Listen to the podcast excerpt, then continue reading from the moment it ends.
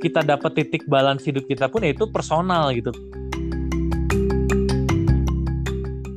Gimana ya kayak gue pun kayak lagi hari-hari gini gue lagi mempertanyakan jadi tujuan gue mau apa ya? Udah berubah nih sepertinya.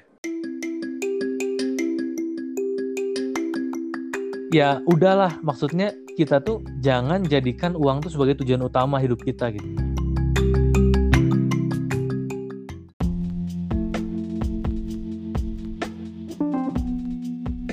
Halo, kembali lagi di podcast kami Talkspektif. Hari ini episode 6 Nah, hari ini mau bahas apa nih Don kira-kira? Oke, buat episode ke-6 ini diawali kayaknya dari lu ya Hans. Kan di seminggu awal bulan Mei tiba-tiba lu share juga ke gua kan kayak lu toto banyak dapat banyak tantangan, masalah dari iya, hal-hal yeah, yeah. yang sebenarnya receh, sepele sampai besar juga gitu kan. Yes, iya sih, benar banget. Nah, boleh, boleh dan nah, sampai akhirnya ada closure-nya gitu kan kayak mungkin titik terang lo yang akhirnya lo temuin sendiri ya hmm, hmm, hmm. ya bukan gua temuin sendiri sih tapi ya kayak apa ya eh, semesta Tuhan juga yang akhirnya ngasih pertanda itu gitu loh hmm, sesudah berarti berapa hari terus struggle ya iya mungkin ya gua sedikit cerita dulu kali ya Don Oke, okay, boleh. Jadi, okay, boleh. jadi kan uh, ya as we know kan pandemi COVID-19 ini kan ya apa ya di enggak juga kan mempengaruhi ekonomi ya. Mm. Uh, kebetulan bidang usaha gua kan ya ya apa ya suatu industri yang memproduksi logo bahan kayu. Ini buat apa ya gambaran singkatnya buat yang belum tahu. Nah pasarnya kan ya uh, mostly butik-butik, toko-toko, beauty studio, salon dan lain-lain. Nah, karena pandemi Covid ini kan ya mereka pun mostly postpone opening toko baru mereka, postpone dekorasi tempat kerja mereka. Kebayang ya Don ya? Oh iya, yes. Berarti kan kondisi begini uh, mereka mungkin akan berkurang pengeluaran untuk bagian itu kan? Yes, betul betul karena kan itu bukan kebutuhan utama kayak pangan, uh, apa sandang papan gitu kan Don? Iya kan kalau mereka nggak buka toko ya buat apa punya display merek tokonya gitu kan? Iya iya itu kan kayak apa ya pelengkap gitu ya pemanis gitu kesannya kan. Nah cuman itu kan di Indonesia sendiri kan baru mulai pandemi ini booming kan bulan Maret. Bulan Maret. Maret lanjut ke April itu ya masih bersyukur banget sih karena eh, dilihat-lihat dari data ya apa ya data penjualan data order tuh masih mirip-mirip kayak tahun-tahun sebelumnya gitu Don. Oh berarti belum ada efek nih awalnya.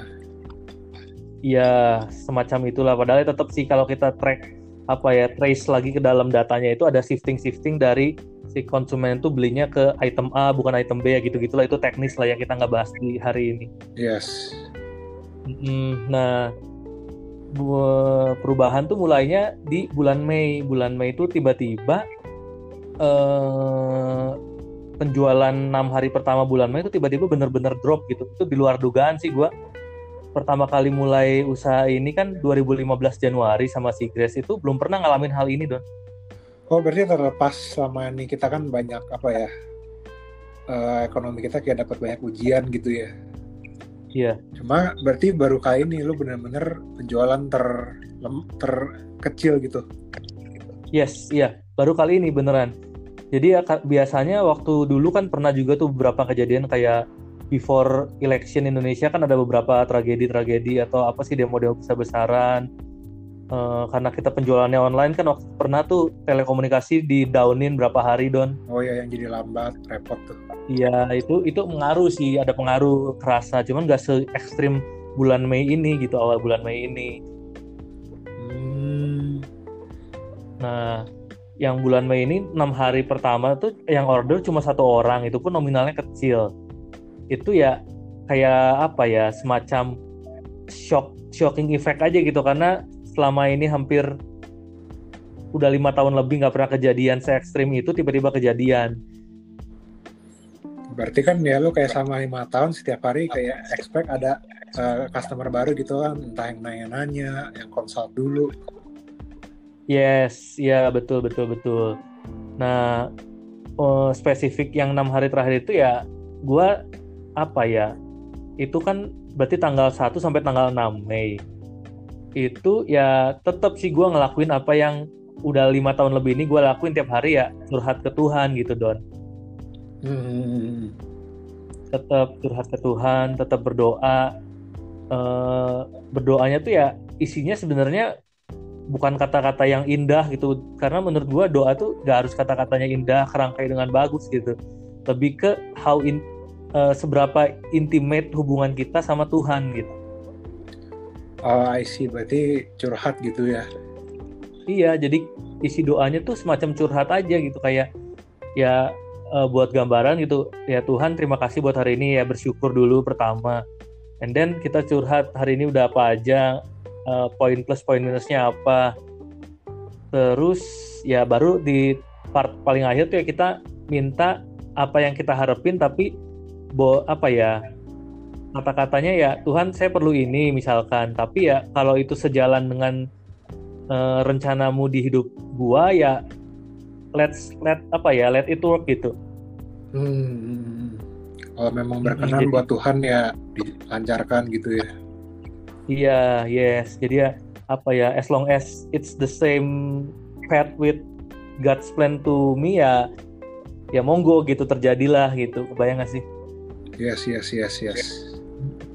Nah, tapi untuk kali ini eh gimana ya? Biasanya tuh sebelum-sebelumnya tuh kalau udah berdoa gitu ya entah bukan apa ya, bukan kita ekspektasi Tuhan langsung bekerja dengan cepat gitu. Tapi biasanya tuh cepet gitu sebelum-sebelumnya. Oh, oke. Okay. Okay. Maksudnya cepat tuh jadi responnya misalkan kita hari ini bergumul butuh A, besoknya biasanya udah dikasih tuh A itu don kebayang nggak? udah kerasa ini jawaban Tuhan gitu ya ya ya betul betul gitu. Kayak oh Tuhan jawab gitu. Ya gitulah biasanya. Nah tesis yang bulan Mei ini cukup beda dari biasanya.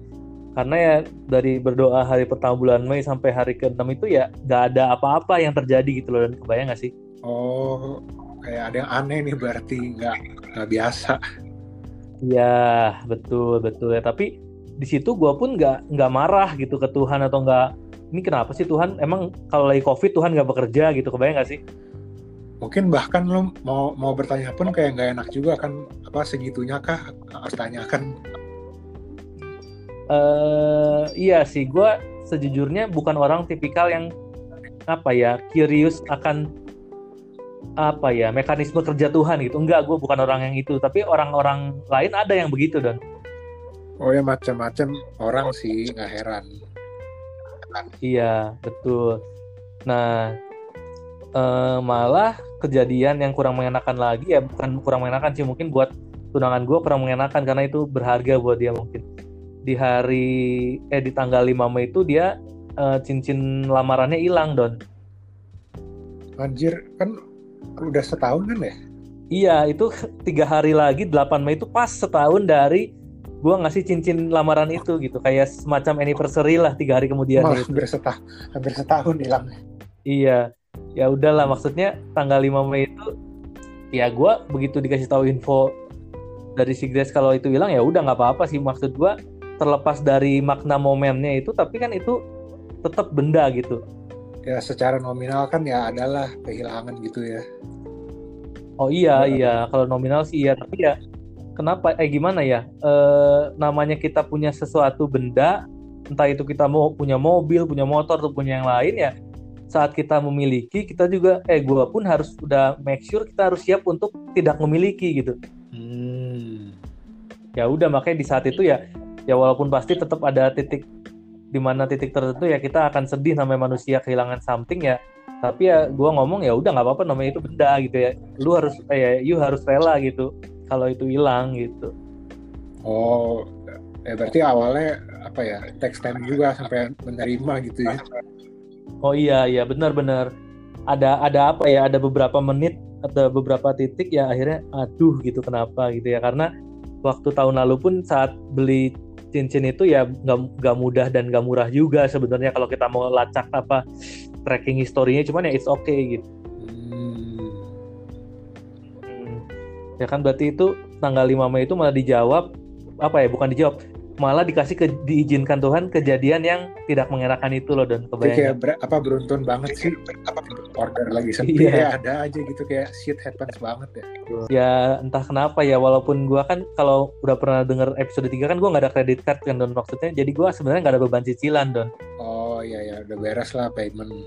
Iya, nah cuman tetap aja saat nggak ada kerjaan itu kan gua ada beban. Aduh ini nanti karyawan hari ke depan ngerjain apa ya? Kebayang nggak sih Don?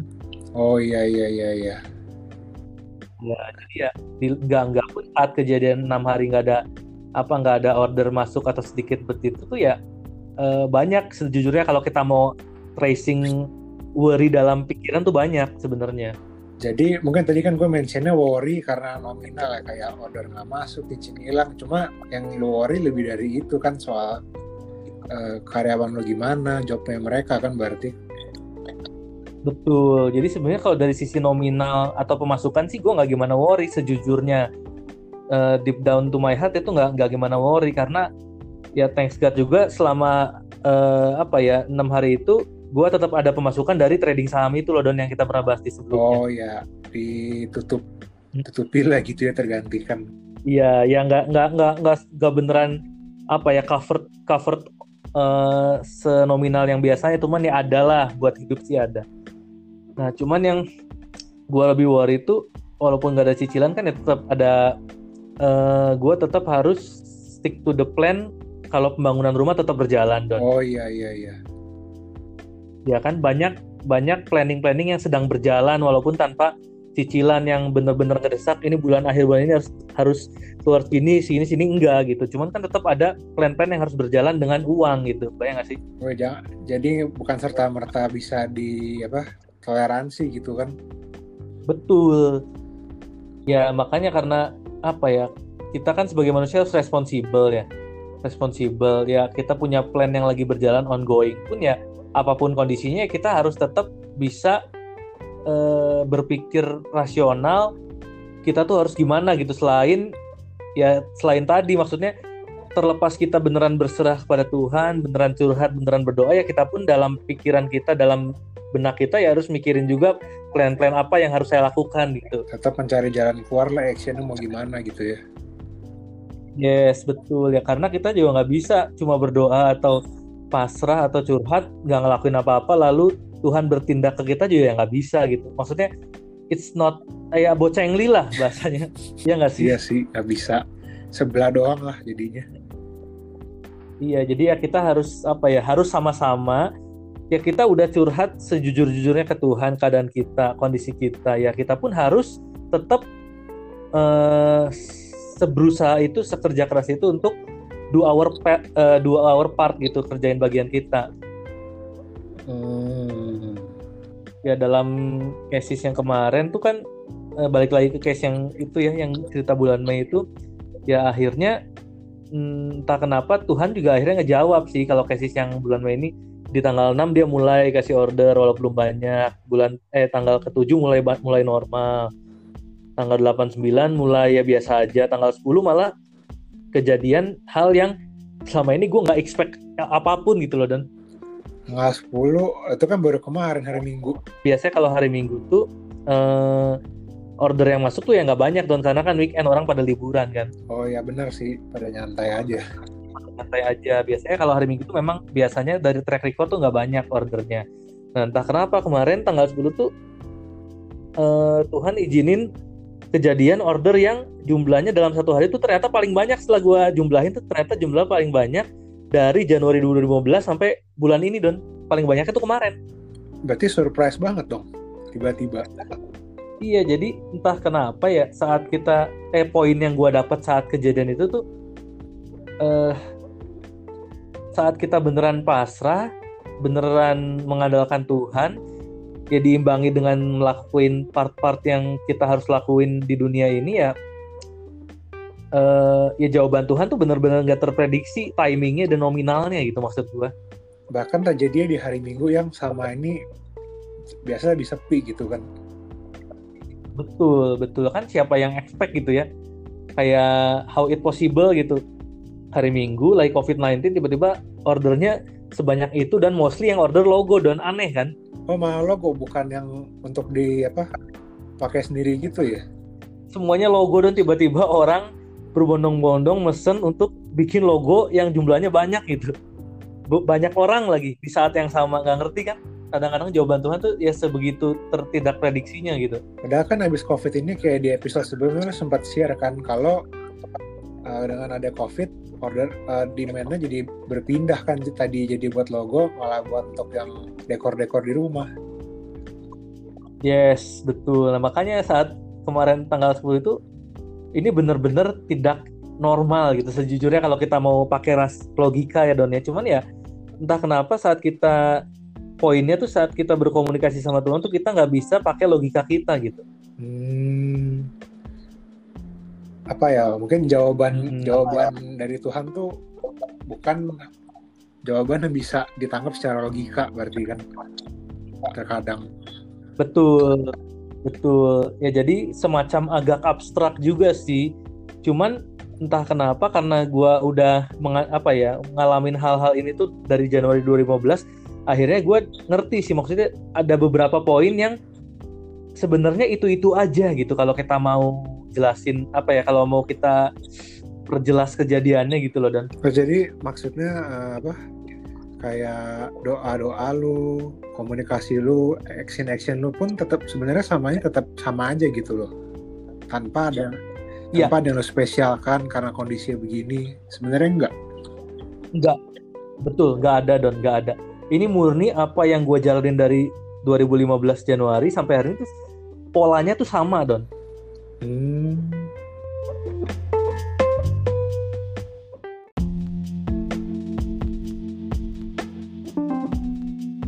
Nah jadi ya entah kenapa sebenarnya tuh ya polanya sama aja gitu. Kalau mau di apa ya perjelas kejadian-kejadiannya tuh ya kita maksudnya gimana ya? Gue menyadari itu tuh ada sign-sign yang sebenarnya mirip-mirip atau repetitif gitu loh dan. Sign-sign yang seperti apa berarti ya? Nggak belum kebayang.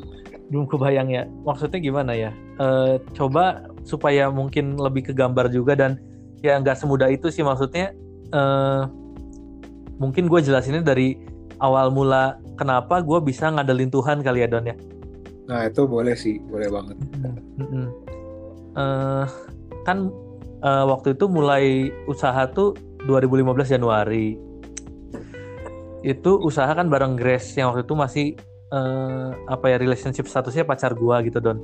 Yes. Nah pada waktu itu ini mungkin orang juga nggak tahu sih kali ya waktu itu kan kita masih kuliah.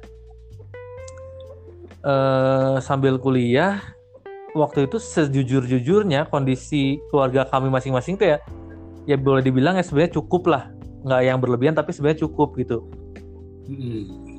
nah cuman ya waktu itu kita udah mutusin untungnya waktu itu kita pun sefrekuensi pikirannya ya kalau bisa usaha yang kita rintis ini ya benar-benar kita rintis dari nol tanpa bantuan orang tua spesial pun gitu don.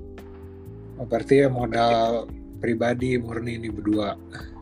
Betul betul modal pribadi dari segi keuangan dan segi ide itu ya benar-benar uh, ya kita yang benar-benar ngusahain awal dari nol gitu. Hmm. Nah, dari titik itu tuh uh, gimana ya? Kayak suatu lompatan, bener-bener lompatan dari zona yang nyaman gitu. Oh, karena karena kan apa? Uh -uh. Uh, apa siklusnya kan biasa mungkin daily ya kuliah pulang gitu aja ya. Yes, betul kan waktu itu pun ya kuliah kan ya pada orang seperti orang pada umumnya kan waktu itu kuliah kan dibayarin orang tua juga kan Don iya benar hmm. Nah waktu itu kuliah semester 4 kan mulai usaha itu entah kenapa saat kita bener oke okay, kita komit kita bikin usaha ini ya kita apa ya kehidupan tuh benar-benar berubah ya bisa dibilang berubah benar-benar berubah gitu loh Don karena dari segi waktu kan namanya mau punya usaha pasti tersita banyak dong sebagai anak Betul. kuliah. Betul banget. Ya jadi dari awal tuh ya kita memang dari awal bener-bener kayak nggak ada waktu untuk main gitu waktu itu. uh, ke mana-mana harus benar-benar ngitung. Maksudnya ngitung tuh kita kalau pakai waktu itu semenjak ada usaha awal usaha itu jadi kita mutusin kita sebisa mungkin pakai motor jangan pakai mobil. Kenapa? Pertama karena kita posisinya ngerintis usaha dari nol. Kita harus save budget se budget budgetnya jadi pakai motor terus save time se hemat-hematnya karena macet kan don? Oh iya benar mm ya pokoknya berubah lah. Intinya uh, semua gaya hidup tuh berubah. Benar-benar berubah. Begitupun juga dengan akhirnya kita tuh mengalami suatu kondisi ketidakpastian don. Ketidakpastian tuh mungkin saat mulai berjualan atau kapan? Nah karena namanya apa ya waktu itu kan pertama kali nyobain jualan nyobain bikin Instagram nyobain bikin apa ya feeds yang foto-foto yang kita jual saat kita nyari konsumen-konsumen pertama ke barang-barang yang sifatnya begini tuh susah don waktu itu 2015 juga susah hmm Iya, beda halnya kalau kita misalkan kita jual makanan, jual minuman, orang willing to try kan karena itu kebutuhan mereka untuk makan, untuk minum. Kebayang nggak sih Don? Oh ya sih, jadi kayak men untuk mencoba pun kayak oh nggak apa-apa deh gue cobain. Yes, betul. Nah di titik eh di bulan di minggu-minggu pertama itu ya kita bergumul bagaimana caranya kita nggak stres. Mungkin bukan kita sih, gua. Karena si si Grace tuh tipikalnya yang tidak berpikir apa ya di pikirannya tuh ya gitu aja let it flow aja gitu kebayang gak sih? Oh lebih YOLO berarti ya? Ya betul. Ya apa ya gue waktu itu pada saat itu ya gue mikir saat itu gimana caranya paling utama tuh sebenarnya waktu itu tuh bukan make a profit sebesar besarnya don. Tapi tapi uh, waktu itu gua concernnya satu kita jangan sampai gara-gara ada komitmen untuk usaha ini kita malah jadi stres. Oh. Bayang nggak sih? Hmm. Nah, jadi poinnya tuh manajemen waktu, manajemen pikiran. Ini buat gue pribadi ya, nggak tahu kalau buat si Grace. Kalau buat gue pribadi itu manajemen waktu, manajemen pikiran, manajemen cash flow pasti, lalu manajemen kuliah. Oh banyak sih mas di saat yang bersamaan itu. Iya tuh banyak sih, banyak banget. Iya, nah entah kenapa, gue tuh ngerasa gue lupa sih tepatnya gimana momennya, tapi gue ngerasa gue butuh mentor. Oh. Okay. Ya, ini mungkin gue juga belum pernah cerita sih ke siapa pun. Jadi jujur dalam pikiran gue tuh gue butuh seseorang atau sosok yang bisa saat gue bener-bener down, saat gue bener-bener stres, saat gue bener-bener akhirnya tersudutkan di satu posisi yang oh ini masalah masalah masalah masalah di sektor yang tadi gue sebutin semuanya misalkan kejadian masalah di satu momen bersamaan gitu loh dan kebayang nggak? Iya. Ya tiba-tiba semuanya ya, berbarengan berarti. Yes, entah itu kuliahnya tiba-tiba tugas banyak atau kelompoknya gimana atau deadline-nya. Ternyata mesin produksi rusak, misalkan karyawannya nggak masuk sakit, uh, yang beli nggak ada misalkan terjadi kayak gitu loh Don. Bayang nggak? Oh iya sih terus mikir nah, gaji karyawan yang... lagi. Betul. Uh, ya pokoknya terlalu banyak yang dipikirin saat itu. Uh, kondisi waktu itu kan belum benar-benar belum pengalaman juga. Nah gue mikir gue butuh mentor setengahnya gue ada guidance gitu ada yang ngelit gitu kebayang gak sih Don?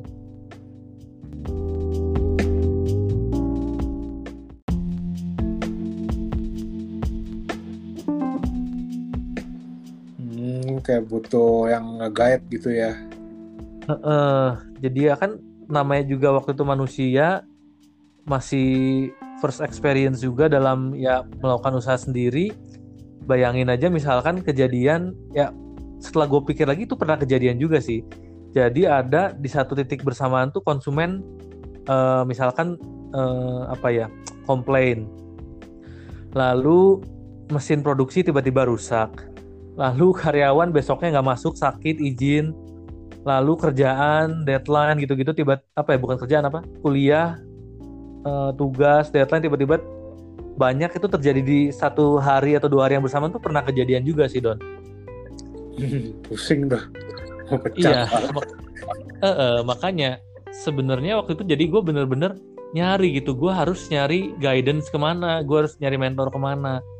Nah entah kenapa di titik itu tuh saat itu gue nggak kepikiran nyari mentor tuh dalam wujud orang gitu dalam bentuk kita ikut mentoring apa gitu. Gue nggak kepikiran sama, sama, sama sekali don Berarti lo langsung nyarinya dengan apa? Dengan doa gitu. Doa gitu. Uh -uh. Nah mulai itu gue bener jadi mulai apa ya? Jadi mulai kayak ter, bukan turning point ya, kayak mulai titik titik perubahan di mindset hidup gue juga sih dari dari itu. Karena uh, gue realize kalau uh, kita manusia itu saat dihadapin kondisi-kondisi yang kita nggak bisa prediksi tuh kita akan merasa insecure atau khawatir berlebihan gitu kebayang nggak sih? Oh iya sih, ya namanya manusia alami kalau kita akan memikirkan hal-hal yang di luar kontrol kita kan. Betul. Yang nggak bisa kita kendalikan gitu. Iya, iya. Nah makanya apa ya kayak suatu titik perubahan tuh gimana ya? Di satu titik itu gua jadi lebih sering secara intens dan konsisten tuh jadi lebih sering curhat ke Tuhan gitu don. Entah kenapa. Hmm. jadi ya kayak gue cerita hari ini ada masalah apa uh, perkembangannya gimana ya gitulah. Jadi kayak gue update kehidupan gue tuh ke Tuhan gitu. Uh, terus yang membuat lu bisa terus menerus gitu tuh karena apa? Karena lo ketemu rasa nyaman atau gimana uh, iya sih jadi lebih ke arah oh gue tuh akhirnya dapat suatu wadah dapat suatu apa ya semacam fasilitas untuk curhat kebayang gak sih Don? Oh. Uh, uh, jadi kayak cuma gue akhirnya lagi stres misalkan waktu zaman dulu waktu itu lagi stres banyak pikiran gitu ya udah gue sekedar berdoa gue curhat ke Tuhan apa aja yang gue alamin lalu apa aja yang gue udah improve dari hari-hari sebelumnya gitu. Se sekedar itu doang don tapi konsisten tiap hari gitu loh. Jadi laporan nih hari ini sudah ngapain aja apa yang lo pecahkan apa yang lo khawatirkan gitu ya? Iya betul. Sekedar itu. Uh, ya dari awal pun uh, eh, 2015 itu tuh ya seolah-olah Tuhan tuh udah berbicara banyak gitu di, di kehidupan kita gitu.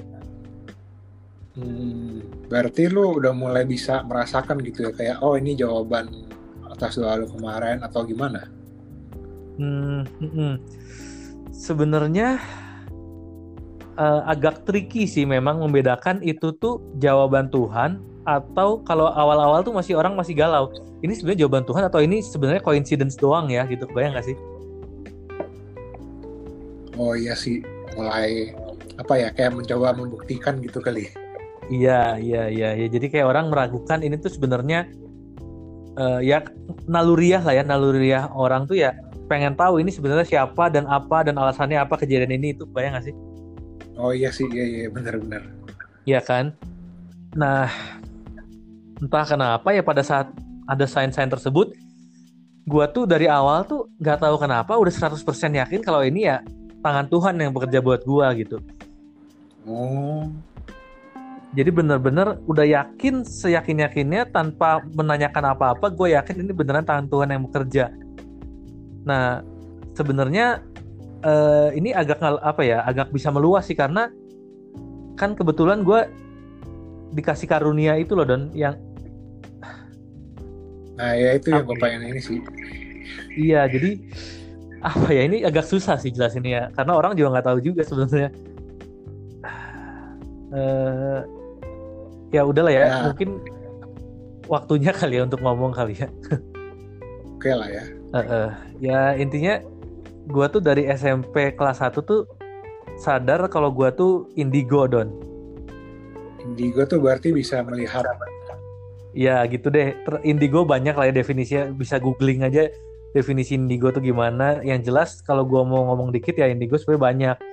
Kemampuan masing-masing individu yang diberikan karunia tersebut juga banyak ya intinya pada saat memulai usaha itu ya kondisinya gue tuh sebenarnya udah tahu kalau gue indigo gitu don. Nah kalau boleh mention juga kan lu juga pernah share kan kayak logo usaha lu sendiri kan nggak sembarangan kan ada hasil dari apa kemampuan indigo lu juga kan. Oh iya iya iya. Uh, nah ya mungkin itu lupa sih gue belum mention ya. Bener sih kata Brandon kalau waktu itu mulai ja, mulai Wooden hari pertama akhirnya publish atau ya akhirnya nih hari inilah titik Wooden Craft berdiri itu pun dilihat tanggalnya gitu di Terawang tanggal bagusnya gimana ya kayak orang Feng Shui Hong Shui lah. Hmm. Hmm. Ya, jadi ada campuran lah antara hybrid gitu ya. Jadi antara gifted indigo itu digabungin sama komunikasi sama Tuhan kali ya lebih ke arah itu kali Don. Oh, berarti apa ya? Ya terlepas indigo itu memang kemampuan individu yang spesial kan ya tetap itu datangnya dari diri lo sendiri kan? Eh uh, atau enggak? Maksudnya datang dari diri lo sendiri itu maksudnya gimana, Don? Uh, maksudnya terlepas lu punya kemampuan spesial itu kan tetap itu usaha dari diri lo sendiri kan bukan karunia Tuhan juga gitu oh eh gimana ya sedikit sedikit introduction kalau ke indigo yang gua tuh maksudnya uh, indigo tuh gifted don. Berarti kan karunia pemberian kan don? Oh karunia ya. Ntar dikatanya tuh jelek banget. Kan gifted tuh karunia pemberian. Mm -hmm. nah cuman akhirnya gue menyadari kalau gue ternyata indigo tuh waktu SMP kelas 1 di mana waktu itu bokap gue tuh baru dia ikutan reiki namanya ada reiki nyembuhin orang pakai energi mulai meditasi mulai yoga gitu gitulah dan intinya. Oh iya reiki gue pernah denger sih energi ya. gitu ya. Betul. Nah dia waktu itu beli buku tentang aura. Nah di buku itu ada cara ngetes orang kalau ngelakuin maksudnya gimana? Bukan ngelakuin. Orang kalau disuruh ngeliat ke tembok lalu merem ngelihat orang lain duduk di apa ya duduk di depan tembok itu merem. Kalau merem dia bisa ngelihat warna-warna berarti dia indigo gitu kasarnya gitulah. Oh oke okay. nah pada poin itu ya akhirnya gue sadar kalau waktu itu gue ternyata indigo SMP kelas 1 itu nah itu mah kayak apa ya kayak penjelasan doang indigo gue tuh gimana gitu ya awal mulanya hmm. nah ya go on ke cerita yang tadi yang akhirnya gue ngerasa mentor gue tuh ya Tuhan ya terus terus kejadian sih maksudnya eh, tahun-tahun selanjutnya saat ada penurunan order atau saat ada pergeseran market itu tuh gue sharing semuanya don. Kayak gue sharing ke mentor. Kalau ibarat kata sih gue punya mentor bisnis. Nah mentor bisnis gue tuh Tuhan gitu. Bayang gak sih? Oh ya ya tetap tetap gimana ya? Gimana? Ya lanjut dulu deh. Yes yes. Uh, jadi entah kenapa buat gua tuh Tuhan tuh mentor bisnis gua. Karena uh, hal-hal detail hal-hal kecil tuh ya gue cerita ke Tuhan uh, dan ya Tuhan ngasih jawaban gitu dari uh, doa itu. Ya jawabannya tuh ya bisa ya for your information juga ya lu mungkin udah realize sih kalau lu sih. Kan Uden juga pernah ganti logo tiga kali kan Don? Itu gue perhatiin sih beda sama stiker. Iya uh, jadi ada perubahan-perubahan logo itu karena logo kan ada meaningnya buat gue pribadi. Ada meaningnya jadi saat ada shifting di market shifting di omset itu uh, kayak suatu sign yang akhirnya mempertanyakan gue apakah ini saatnya untuk Uden improve logo? Nah saat itulah gue communicate lagi with God and then di cross check sama apa ya uh, energi ekonomi global tuh gimana ya akhirnya outputnya Wooden improve logo gitu loh kebayang gak sih? Hmm. Mungkin uh, gini sih apa kayak gue ya memang sebelumnya lu kan udah pernah cerita juga soal kemampuan lu itu soal pemilihan logo itu energi itu. Iya. Nah, cuma kadang gue suka mengaitkan kayak apa yang lu dapat apa yang lu capai itu ya karena indigo lu itu. Gitu uh, uh, uh, uh bukan Jadi karena beranggap, iya gue kayak beranggapan kayak uh, apa yang lu capai hari ini itu berkat ya kemampuan lu sendiri dan lu berterima kasih kepada Tuhan dan begitu aja gitu loh. Berbeda kan? Iya iya menarik sih. Ini ini pemahamannya. statementnya menarik sih ya. Pemahamannya menarik. Hmm gimana ya cara uh, ngebedainnya ya? Poinnya itu kali ya Don yang ngebedain kalau itu tuh sebenarnya hasil kerja keras lu sendiri or itu tuh Tuhan yang kasih gitu ya hmm, gimana ya eh, bukan sih tipe kayak nge-share kayak apa ya apa yang lu capai dengan segala kemampuan lu tuh bisa align dengan bisa align sampai ya lu bersyukur merasa uh, itu tadi searah dengan sem diizinkan semesta, diizinkan Tuhan, direstui, diberkati gitu kan. Oh, oke okay, oke okay, paham sih gua. Jadi semacam mencari titik balansnya tuh di mana sebenarnya gitu ya? Hmm, iya iya, uh -uh. supaya kita nggak kabur di saat ke salah satu kutub gitu kan. Oh, oke, okay. paham paham. Iya iya. Uh, gimana ya jelasin ya? Hmm, entah kenapa ya Don buat sebagian orang mungkin udah tahu juga jadi uh, poin utama gue waktu itu usaha kan sebenarnya bukan make profit sebesar besarnya kan Don hmm, nah okay.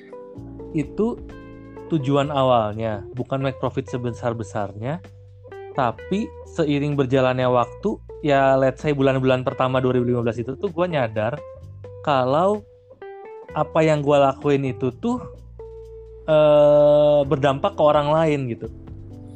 Mungkin yang terdekat ya dengan bisa memberi rezeki untuk karyawan gitu ya. Yes, itu bener banget, itu bener banget. Jadi ya entah kenapa, oh gue melakuin usaha ini tuh, gue bisa bikin karyawan gue ya punya pekerjaan tetap. Dia bisa ngehidupin keluarganya. Kebayang gak sih? Iya iya iya iya. Ya. Hmm, karena ya gue pribadi pun pernah ke rumah masing-masing dari mereka, ketemu keluarganya, ketemu uh, ayah ibunya gitu ya. Entah kenapa gue seneng aja gitu ngelihat, oh gaji yang mereka dapetin tuh bisa ngehidupin keluarga masing-masing mereka gitu, bayang nggak? Ada fulfillingnya jadi ya. Yes, betul. Nah mungkin ini apa ya cerita ini mungkin bisa ngelit ke arah titik balance itu kali ya. Nah tapi ya selanjutnya jadi uh, karena tujuan utamanya tuh bukan make a profit yang besar sebesar besarnya uh, gimana ya ada beberapa kejadian tuh yang beneran itu tuh uh, bukan cerminan kerja keras gua bukan cerminan indigo gua tapi ya bener-bener kayak Tuhan yang menyadarkan gua akan hal itu gitu kebayang nggak ya aduh susah eh. Um, nah, mungkin ya secara lebih halus sebenarnya nggak bisa nih mendapatkan mencapai ini gitu ya. Oh ya, ya benar-benar benar. Ya itu bisa sih. Jadi ada beberapa hal yang gue nggak pernah pikirin, gue nggak pernah expect, ternyata kejadian gitu loh. Oh. Ya, tapi saat kejadian itu entah kenapa, misalkan satu minggu sebelumnya tuh gue emang lagi doa yang sebenarnya mungkin arahnya bisa ke sana gitu. Makanya lu merasa kayak mendapat jawaban gitu ya eh meyakini mendapat itu jawabannya gitu. Iya iya.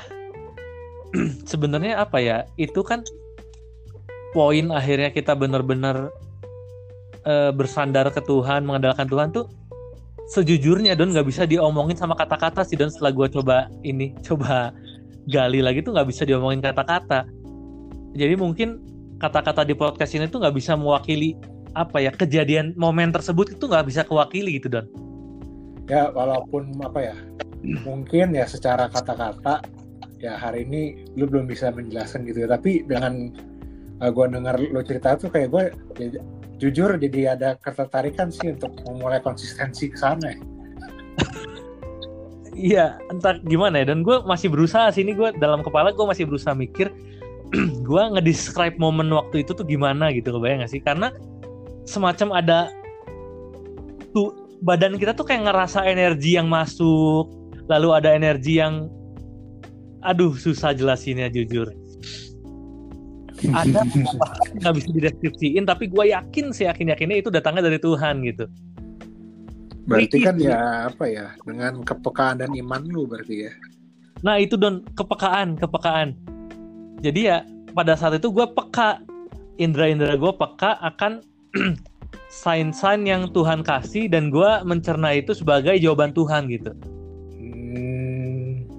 Jadi ya tingkat kepekaan kita juga uh, berpengaruh sih akan seberapa kuat kehadiran Tuhan di hidup kita gitu. Sejujurnya sih gitu kali ya. Mungkin mungkin ya bahkan ya seberapa kita merasakan berarti kan kalau hadir ya gue yakin hadir sih tinggal, tinggal kitanya aja kali ya yang mungkin nggak peka kurang Nah, peka. Iya itu itu poin sih kalau buat gue itu poin sih benar banget. Jadi sebenarnya untuk siapa pun diri, untuk siapa pun pribadi kita, untuk siapa pun kita, untuk siapa pun nama kita, kita individunya mau namanya A, B, C ya, gue yakin sebenarnya Tuhan hadir gitu. Cuman ya kembali lagi ke kita, kembali ke kitanya pribadi, kita mau nggak sebenarnya kehadiran Tuhan itu kita rasakan, mau nggak Tuhan tuh turut campur dalam hidup kita, mau nggak Tuhan tuh nge hidup kita gitu, bayang nggak sih? Hmm, iya iya iya iya. iya. Ya kayak keterbukaan kita terhadap Tuhannya dulu gitu, bayang gak sih? Berarti kan ya kalau tadi dari lo cerita kan ya lo memulai hubungan lo dengan Tuhan secara intens kan dengan dia sebagai teman curhat aja gitu kan Iya. untuk share bukan untuk lo meminta memohon Oh iya, nah iya betul tuh dan Ya. betul, betul betul banget. Jadi ya waktu itu yang pengalaman gua sih, gua mencari Tuhan tuh bukan untuk eh, apa ya? Kalau gimana ya? Gua sama sekali nggak ada kepikiran saat itu nyari Tuhan tuh untuk dapet cuan sebesar besarnya, untuk usaha ini maju bukan. Sekedar gua tuh cuma pengen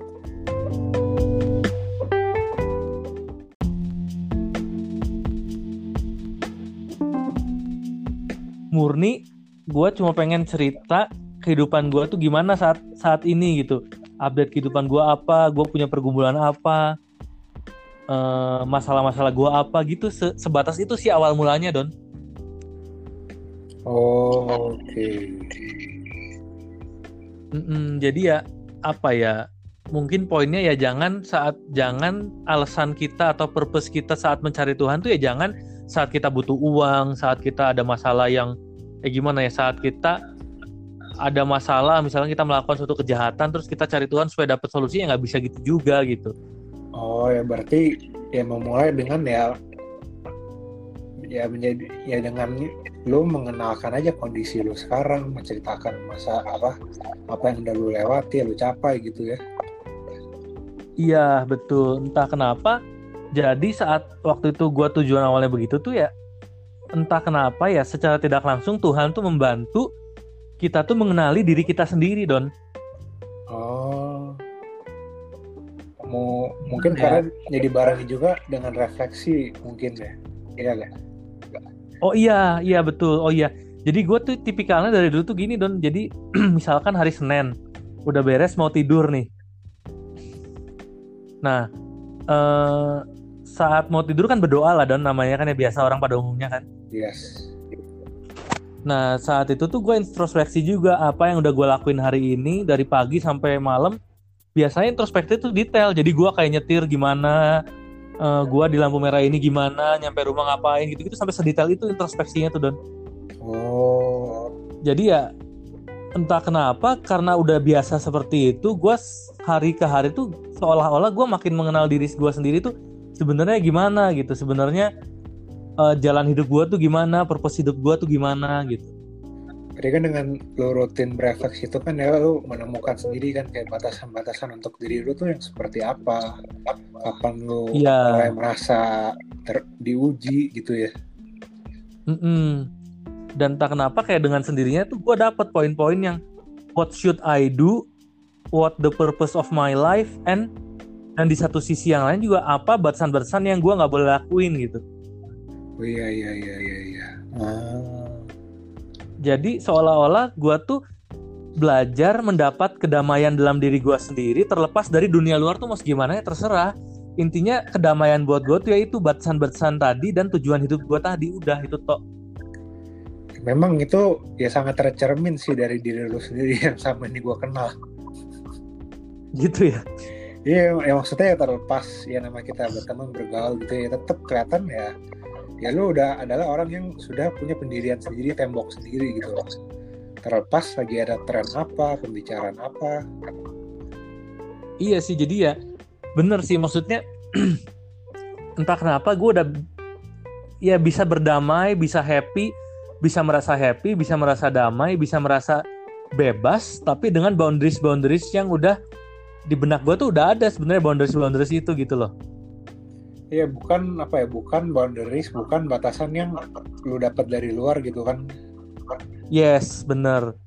Jadi bukan apa ya semacam checkpoint checkpoint kebahagiaan yang dunia luar atau eksternal kita bikin gitu. Bukan. Ya pure dari diri gue sendiri aja gue bikin batasan sendiri gitu loh dan. Hmm, I see. Nah ya entah kenapa semenjak komunikasi intens sama Tuhan tuh terciptalah demikian gitu di, di hidup gue tuh ya yang artinya eh, jawaban Tuhan dalam membantu dan melancarkan usaha ini hanya salah satunya gitu kan wujud karyanya oh, iya. yang udah lu rasakan gitu. Ya benar-benar itu good sih maksudnya kayak apa ya memang kalau kita mau track dari 2015 dari sampai 2020 tuh memang terus berkembang. Secara secara angka memang terus berkembang si wooden craft ini. Ya cuman entah kenapa gue eh terlepas gini don ya. Terlepas ya mungkin lu tahu juga kit gua sama si Grace tuh tiap hari beneran sekerja keras itu memang. Kita pun yang melakukan bagian kita maksudnya gitu loh Don. Hmm. Ya ya apa ya tercermin mungkin dari segi nominal dari segi angka berkembang terus student craft ya thanks God. But kita juga nggak bisa pure ongkang-ongkang kaki kita bersantai-santai ria berharap Tuhan melakukan improvement terus hidup kita ya nggak bisa juga gitu. Kebayang nggak sih? Oh iya sih, iya walaupun sudah mendapat jawaban dan lo peka ya tapi bukan berarti lo jadi lepas tangan gitu kan. Betul. Justru entah kenapa ya Don. Ini mungkin lo belum tahu juga. Sejujurnya semakin Tuhan ngasih jawaban yang di luar ekspektasi gua maksudnya di ekspektasi itu gini misalkan ini misalkan Tuhan gue berharap tahun ini perkembangan 5% misalkan ya Don yes nah entah kenapa in the end of the year kita breakdown data ternyata perkembangannya 10% gitu misalkan. Nah, itu kan berarti kan di atas ekspektasi jauh apa uh, doa gua kan dan misalkan gitu kan. Yes. Nah, entah kenapa ya saat kejadian itu gua tuh ke trigger selalu untuk oh Tuhan udah jawab di atas ekspektasi gua. Ya gua pun harus demikian gitu kayak timbal balik aja gitu kayak hubungan uh, aksi reaksi gitu. Uh, ya gue pun harus mengupdate hard work gue ke level yang lebih tinggi kebayang gak sih? Oh karena lo sudah diberikan ya lo harus mengembalikan lagi berarti kan? Iya betul. Bukan hanya itu sih jadi gue beneran jadi jam kerjanya lebih banyak. Even waktu dulu pernah ada beberapa momen Senin sampai Minggu tuh full kerja 8 sampai 10 jam 8 pagi sampai 10 malam tuh pernah kejadian jadi ya uh, poinnya gitu sih kita harus ada terus komunikasi yang sehat gitu yang sehat dalam artian hmm. kalau Tuhan kasih lebih ya kita juga harus kasih lebih dari diri kita bukan kasih lebih dari sisi materi juga dari sisi waktu dari sisi kita mau willing kerja keras keluar zona nyamannya pun kita harus terus berkembang gitu kalau enggak ya akan membentuk suatu zona nyaman baru gitu bukan jadi ongkang-ongkang kaki dan puas diri gitu ya iya kalau enggak ya ya itu dia akan menimbulkan suatu zona nyaman baru don buat gua. Oh. Gitu ya terlepas dari sisi sosialnya pun ya kita harus memperbesar juga porsi sosial kita dalam hal misalkan bantu yang kurang mampu, kepantiasuhan dan lain-lainnya. Kita harus benar-benar kalau gua sih ya bukan kita maksudnya gua gua sih demikian gitu ya. Gua harus makin hari itu makin uh, ngebalansin porsi hidup gua gitu. Kebayang gak sih? Hmm. uh, mungkin gini ya. Kadang kita apa ya mungkin nggak nggak sedikit lah dari kita yang paham bahwa kalau kita diberi lebih maka kita eh kalau kita menerima lebih kita harus memberi lebih lagi gitu kan. Ya tapi mungkin yang kita suka nggak realize kita suka mikir lebih itu tuh berarti harus ada sebuah langkah ekstra gitu loh. Kayak entah pencapaian baru atau mungkin tanggung jawab besar yang baru. Tapi dengan lo share tadi yang lo berikan contoh ya lo kayak sekedar memberi extra hard work doang sebenarnya kan maksudnya ya hmm, kalau tadi yang iya. mungkin lo seharinya 8 jam kerja jadi 10 jam mm-hmm. maksudnya dengan, ya. dengan langkah simpel pun bisa gitu loh yang penting tujuannya kan untuk memberi lebih gitu Yes, ya, ya benar-benar. Poinnya benar sih Don.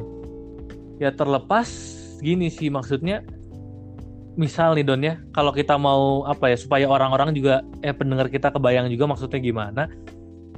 Misalkan 2015 omset satu tahun satu juta misalkan Don. Iya. Nah kita berharap 2016 naik 10% berarti kan 1,1 juta kan. Yes. Lalu tahun berikutnya satu persen lagi berarti 1,21 juta, gitulah seterusnya lah ya. Iya iya. Nah dengan adanya pertambahan angka itu dan sebenarnya kalau kita mau runut ke belakang ekonomi kan ke sini bukan makin bagus tapi makin menurun kan Don. Iya makin berat situasi. Ya. E, logikanya deh kalau kita bukan ngomongin dari sisi Tuhan ya logikanya ya kita harus bekerja lebih keras kan. Oh iya benar benar. Untuk mencapai target-target tersebut ya jadi kita pun harus bisa ngebedain mana yang kita harus pakai rasional kita, pakai logika kita untuk kita bekerja atau untuk kita mutusin something dan dibarengin sama komunikasi sama Tuhan itu. Jadi kita harus nemulah titik poinnya di mana pengetahuan yang kita punya, mindset yang kita punya, rasional yang kita punya digabungin sama itu gitu loh. Oh. Hmm. Ya agak apa ya agak susah sih tiap-tiap orang akan menemukan titik balance-nya masing-masing sih. Soalnya gini sih kayak apa ya? Kayak gua gua pribadi deh. uh, kayak gua ya mungkin setahun yang lalu ya gua merasa kayak tiba-tiba dapat jawaban gitu loh. Uh, gue menginginkan gue bisa bekerja dengan lebih fulfilling buat gue pribadi gitu ya. Oke. Okay.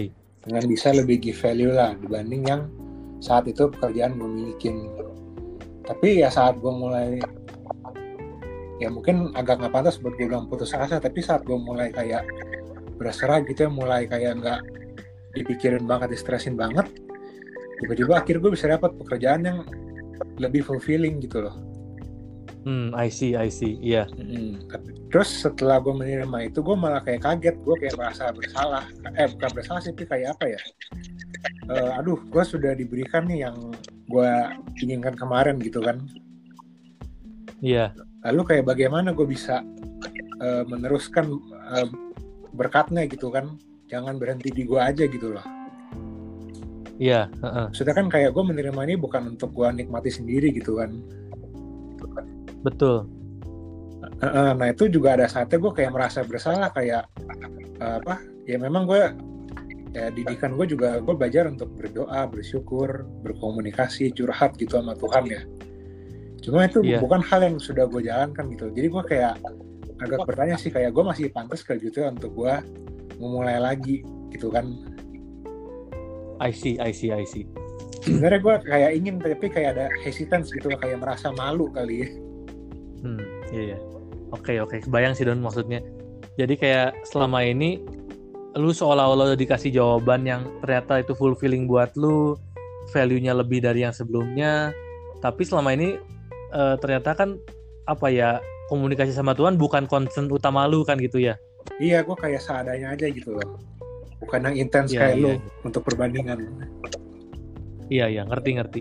Ya sebenarnya terlepas itu apa ya kita malu untuk memulai lagi suatu itu ya kembali lagi itu sih gue nggak bisa ngomong ya itu karena porsi orang porsi masing-masing orang yang ada di kepala setiap orang kan beda-beda gue pun nggak tahu ya yes. paling apa ya, lebih, lebih ke arah kita kalau pertanyaannya itu ya kita meditasi lah maksudnya bukan meditasi kita cari waktu sejenak sendirian sunyi gitu ya lu eh ya kalau gue bisa ngomong sih kalau gue jadi lu sih ya gue akan meditasi gue akan introspeksi seolah-olah apa sih hal-hal kecil apa sih yang selama ini kejadian tapi sebenarnya gue nggak realize mungkin dari hal-hal itu tuh bisa ngelit kita atau memotivasi kita untuk melakukan suatu perubahan ke arah sana gitu. Oh, I see. Jadi kayak jawabannya tuh sebenarnya bisa aja ada dalam diri kita sendiri apa kita malu atau enggak sebenarnya ada dalam diri kita sendiri yang sebenarnya kita belum sadar kalau itu ada gitu. Hmm, eh, memang baik lagi harus dimulai dengan apa ya tenang mendengarkan diri sendiri kali ya. Iya. Jadi kayak kita harus ada waktu untuk porsi lebih mengenal lagi diri kita sendiri gitu. Gimana sih ya? Uh, ya itu sih. Jadi karena pertanyaan itu nggak bisa dijawab sama orang lain sih sejujurnya don kalau menurut gue pribadi. Hmm. ya karena mungkin jawabannya itu udah ada dalam diri kita sendiri diri kita masing-masing gitu. Karena kalau menurut gua nih ya kalau casesnya begitu terus kita mencari jawaban ke orang lain itu kita akan eh gimana ya? Kita tuh jadi punya standar yang standarnya tuh orang lain Oh ya benar sih benar. Jadi kan punya apa ekspektasi kan. betul itu malah bisa jadi sesuatu yang kalau menurut gue sih sesuatu yang menyimpang kalau buat gua karena gua nggak terbiasa sama penilaian orang lain nggak terbiasa sama eh, apa ya checkpoint checkpoint keberhasilan orang itu gua beneran I, I- setidak peduli itu gue terhadap hal itu gitu kebayang gak sih. Makanya entah kenapa di awal gua nyari mentor atau gua nyari tempat curhat pun ya bukan ke orang lain tapi ya ke Tuhan gitu Oke ya berarti baik lagi ya bukan berarti cara lu yang seperti ini kalau ada orang yang mau mencoba meniru bukan berarti akan works gitu kan terjadi yang hal hal yang sama gitu kan Iya betul. Gimana ya? Kita mau lebih kenal sama Tuhan tuh bukan tujuan utamanya tuh untuk supaya hidup kita lebih kaya, hidup kita lebih bahagia ya bukan gitu. Ya kita harus tujuan awal tuh bener-bener kita pikirin dulu tujuan awal kita tuh mau apa hidup ini gitu. nah itu sebuah jawaban yang cukup sulit sih sebenarnya Susah ya. gimana ya kayak gue pun kayak lagi hari-hari gini gue lagi mempertanyakan jadi tujuan gue mau apa ya udah berubah nih sepertinya eh gimana ya? Spesifik case tujuan hidup tuh memang susah Iya sih jujur, itu- itu- karena perjalanan lagi sih ya memang kan bukan sesuatu yang bisa dijawab oleh orang sih Iya, karena gue pribadi pun susah untuk akhirnya ngedefine tujuan hidup gue apa, tujuan hidup bokap gue apa itu susah, susah banget ya. Itu sih lebih ke arah apa ya, suatu jalannya untuk ke arah sana kita lebih mengenali tujuan hidup kita apa tuh ya kita lebih mengenali diri sendiri, lebih komunikasi sama Tuhan, mungkin akan ada titik terangnya gitu loh. Karena secara pribadi gue udah tahu sejujurnya tujuan hidup gue apa gue pun udah ngedorong si Grace tunangan gue tuh untuk mencari tujuan hidup dia apa gitu loh Don Eh, mungkin Nah. apa ya eh, ada bisa kali ada kaitannya sama eh, bacaan kitab suci itu soal perumpamaan tentang talenta nih gue jadi keinget Heeh. Oh kan, iya iya. Yang iya iya. Iya kan yang Tuhan memberikan si A dua talenta lalu dia nggak pakai lalu si B diberikan lima talenta lalu dia kembangkan gitu ya. Iya iya betul banget. Itu poinnya sih. Iya kan ya mungkin jadinya talenta itu bukan serta merta literally talenta gitu kan. Mungkin bisa tanggung jawab bisa kemampuan betul Jadi ya baik lagi mungkin ya kayak lo bilang harusnya kita memahami mengenai diri gitu ya. Apa sih yang sebenarnya kita kuat? Apa yang bisa kita berikan untuk orang lain? Apa yang bisa kita share gitu ya? iya nah itu tadi yang lu ngomong perumpamaan talenta itu bagus banget sih Don maksudnya eh bener banget sih kan kayak waktu yang di contoh di kitab suci itu kan eh Tuhan sebenarnya memberikan dalam jumlah yang sama kan Iya. Eh maksudnya gimana ya? Tuhan memberikan si A misalkan 10, si B 10, si C 10 tapi kan output yang di- dihasilkan si A, si B, si C kan bisa berbeda kan? Iya dengan output itu kan maka akhirnya ya Tuhan memberi jawabannya gitu kan. ah gitu. Jadi kita kayak nggak bisa ngeblame Tuhan tuh nggak ngasih tahu tujuan hidup kita apa. Eh lebih ke arah kalau gua sih gua harus bener-bener kita ya kayak gimana? Contohnya kita ke- kerja keras bener-bener sekeras kerasnya sampai orang ngomong aduh udah buat apalah Hans kerja sekeras itu uang nggak dibawa mati malah orang ngomong gitu kebayang gak sih? Iya sih ada sih memang beberapa. ya ya ya ya ya gue paham lah maksudnya ya terserah sih orang mau apa tapi ya deep down to my heart ya itu tuh sarana untuk gue tahu tujuan hidup gue tuh apa arahnya akan ke mana kalau kita nggak put ourselves to the maximum limit tuh kita eh gue tuh nggak dapet poinnya gitu Hmm, yes yes. Karena ya lo merasa dengan lo bekerja keras tuh semakin dekat nih dengan apa yang sudah Tuhan berikan untuk lo gitu kan. iya. Entah kenapa ya gue terus ngasih checkpoint ke diri gue sendiri. Oh ini udah checkpoint zona nyaman A. Oke titik ini udah zona nyaman A kita harus improve lagi nih ke zona nyaman B. Seterusnya gitu. Jadi ya hidup yang kita jalan itu nggak ada namanya zona nyaman yang ada kita terus-terusan ngepush diri kita ke maksimum limit sampai akhirnya kita tuh nyadar kita tuh harus improve terus setiap harinya gitu Hmm, I see. Ya, karena itu tadi Ya, kayak di kitab suci aja kan dibilang eh, karena dia sukses mengembangkan 10 talenta itu maka diberikan lagi lah 5 talenta gitu kan. Nah, itu sebenarnya poinnya dan itu jawaban sih. Itu entah kenapa ya perumpamaan yang sebenarnya itu jawaban sih. Eh, Iya, itu poin banget sih ya. Itu se apa ya? Bisa dibilang itu menggambarkan kehidupan gue ya kayak gitu sebenarnya. Secara tidak langsung lah kalau gitu. secara sederhana gitu kan dan ya ya mungkin itu bisa jadi panduan gitu ya buat siapa pun kan. Yes, nah bener kalau itu perumpamaan itu bisa jadi suatu gambaran dan guidance sih.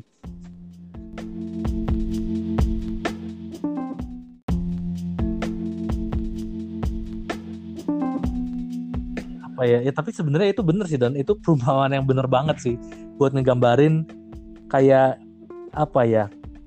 eh buat beberapa orang yang masih mau mencari Tuhan tuh ya eh mungkin perumpamaan tadi tuh bisa jadi suatu titik pikir awal gitu lah ya.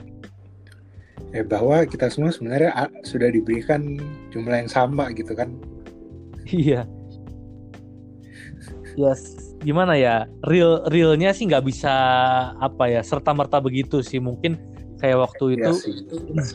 saat mulai lulus kuliah kan beberapa teman juga ada yang nanya ke gua gitu kan waktu itu kondisinya gua udah lebih dulu mulai usaha buat yang baru lulus waktu itu nanyain ke gua gimana gimana gimana dan ada banyak concernnya tuh aduh eh eh, Hans nah gua gimana ya seolah-olah keadaan ekonomi keluarga gua segini sedangkan orang lain kan startnya bisa dari orang yang beneran sekaya itu kan ya beda startnya sama gua kebayang gak sih poinnya Don? Oh iya sih.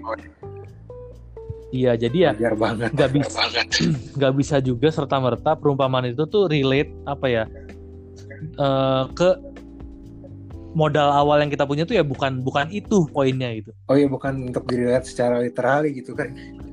Ya Iya. bener nggak bisa di- diterapin modal ke modal gitu bukan. Terlepas dari mana kita lahir dari keluarga yang seberapa kaya seberapa mampu ya itu bukan ganjelan atau itu bukan boundaries kita untuk kenal Tuhan gitu. Mungkin ya lebih tepatnya kalau disebut kalau sebenarnya kita semua tuh sudah disiapkan gitu kan. Eh iya, kalau gua boleh ngomong sih setiap kita tuh udah spesifik Tuhan kasih tujuan hidupnya masing-masing gitu. Cuma ya perjalanan untuk menemukannya itu kan. Iya. Ya karena kalau gua boleh jujur banyak juga orang-orang yang secara materi udah sukses, beneran kaya, sekaya-kayanya konglomerat, akhirnya di, di hari-hari tuanya tuh menyesal gitu. Hmm. Aduh, hidup gua ternyata nggak bermakna gitu.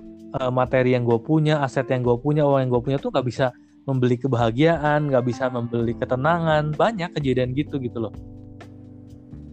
Hmm, Oke, mungkin itu karena dia apa ya merasa nggak fulfilling kali ya. Ya entah kenapa gue juga nggak bisa ngejudge orang itu alasannya kenapa nggak bisa itu sih sejujurnya. Ya tapi mungkin yang bisa kita belajar lesson learn dari cases-cases demikian tuh ya udahlah maksudnya kita tuh jangan jadikan uang tuh sebagai tujuan utama hidup kita gitu. Uang dan materi kali ya berarti ya. Iya, ya karena bukan surat bukan suatu jaminan kita punya uang yang banyak kita akan bahagia, hidup kita akan free merasanya atau hidup kita akan damai gitu bukan suatu jaminan dan bukan banget sih itu. Hmm. Ya bukan juga jaminan kalau kita nggak punya uang kita akan bahagia ya bukan juga sebaliknya gitu ya. Ya sih itu kebablasan juga sih jadi. Makanya ya tetap harus kita beneran masing-masing kita individu kita tuh harus nemuin titik balance hidup kita masing-masing gitu yang titik balance itu ya bisa beda-beda setiap orang gitu. Ya, poinnya itu sih kali ya. Soalnya kan gimana ya eh, namanya situasi sekarang kan apa-apa yang mendrive kita kan dari eksternal gitu loh Mm-mm. kan kayak ekspektasi untuk pencapaian memiliki apa di usia berapa seberapa gitu kan itu tuh bisa ya bukan kadang-kadang ternyata banyak kejadian tuh yang ngepisahkan kita dari tujuan hidup kita sebenarnya gitu. karena itu tadi kali ya, apa karena terus mencari dari luar gitu kan sampai lupa diri sendiri apa diciptakan untuk apa gitu ya Ya bener bener banget, betul banget. Ya makanya sih gue di poin ini gue bersyukur banget sih maksudnya gue udah kebiasaan hidup ya udah gue nyaman, oke. Eh, apa ya kalau boleh dibilang dari sisi materi sih gini sih mungkin orang yang belum tahu juga.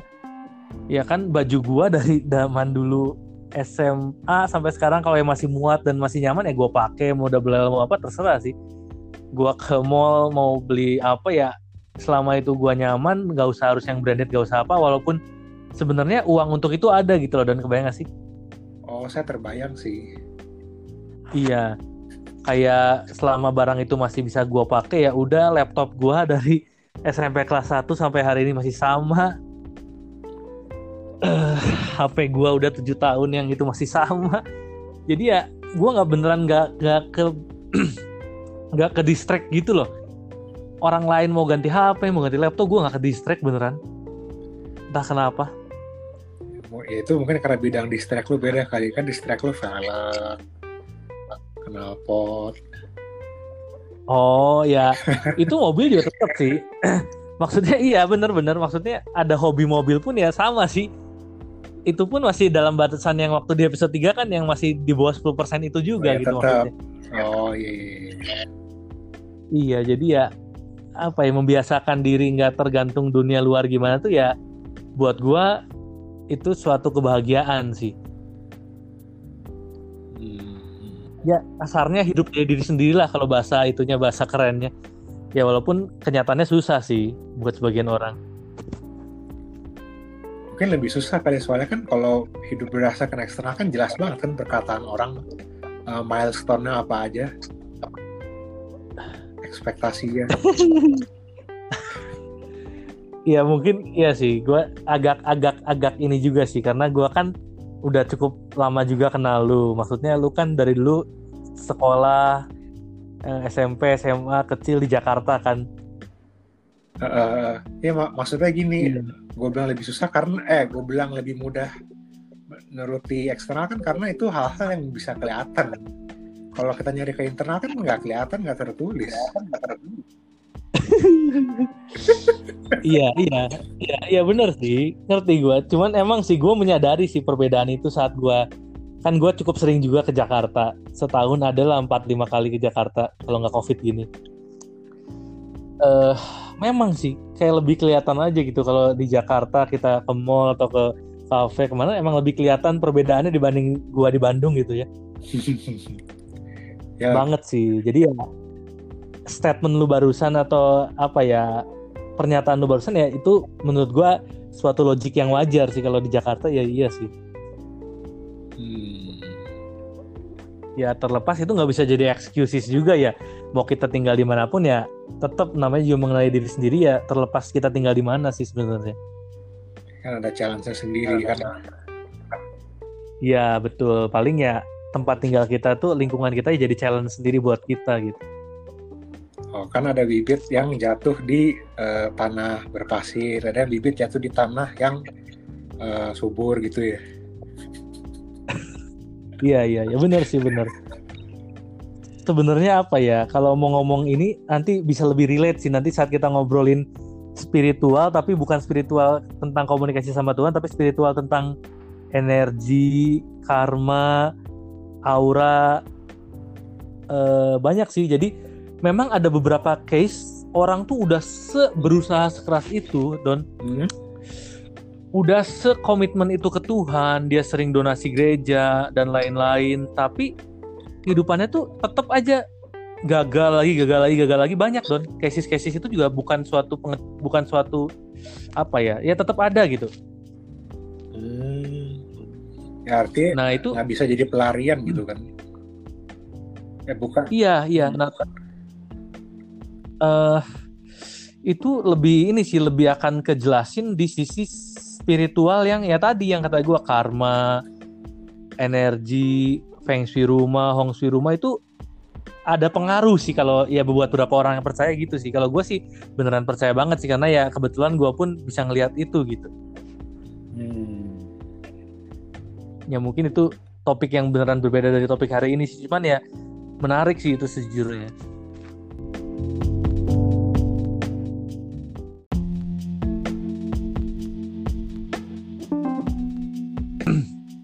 Uh, ya mungkin episode 6 ini supaya nggak terlalu jauh arahnya kita tutup sampai di sini dulu kali ya Don ya.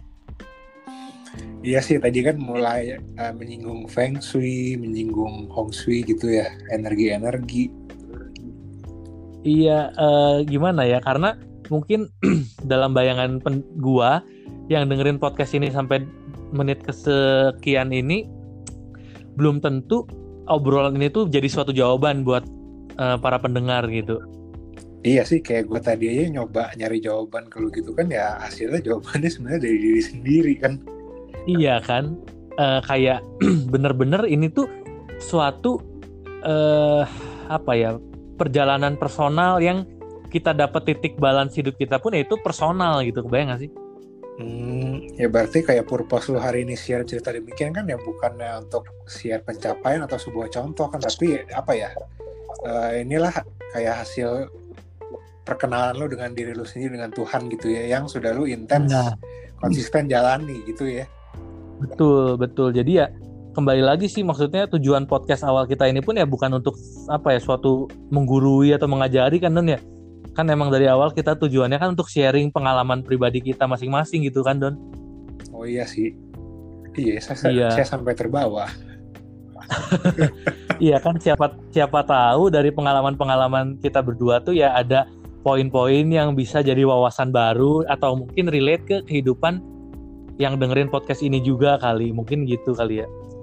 Sebagai apa apa bantuan kalian untuk lebih mengenal diri Iya betul, mungkin itu sih poinnya. Nah cuman ada satu lagi sih sejujurnya yang menarik karena kan tadi gue sempat nyinggung kalau perihal indigo indigo itu kan Don. Oh ya bener, yang gue pun agak tak kabur tadi juga.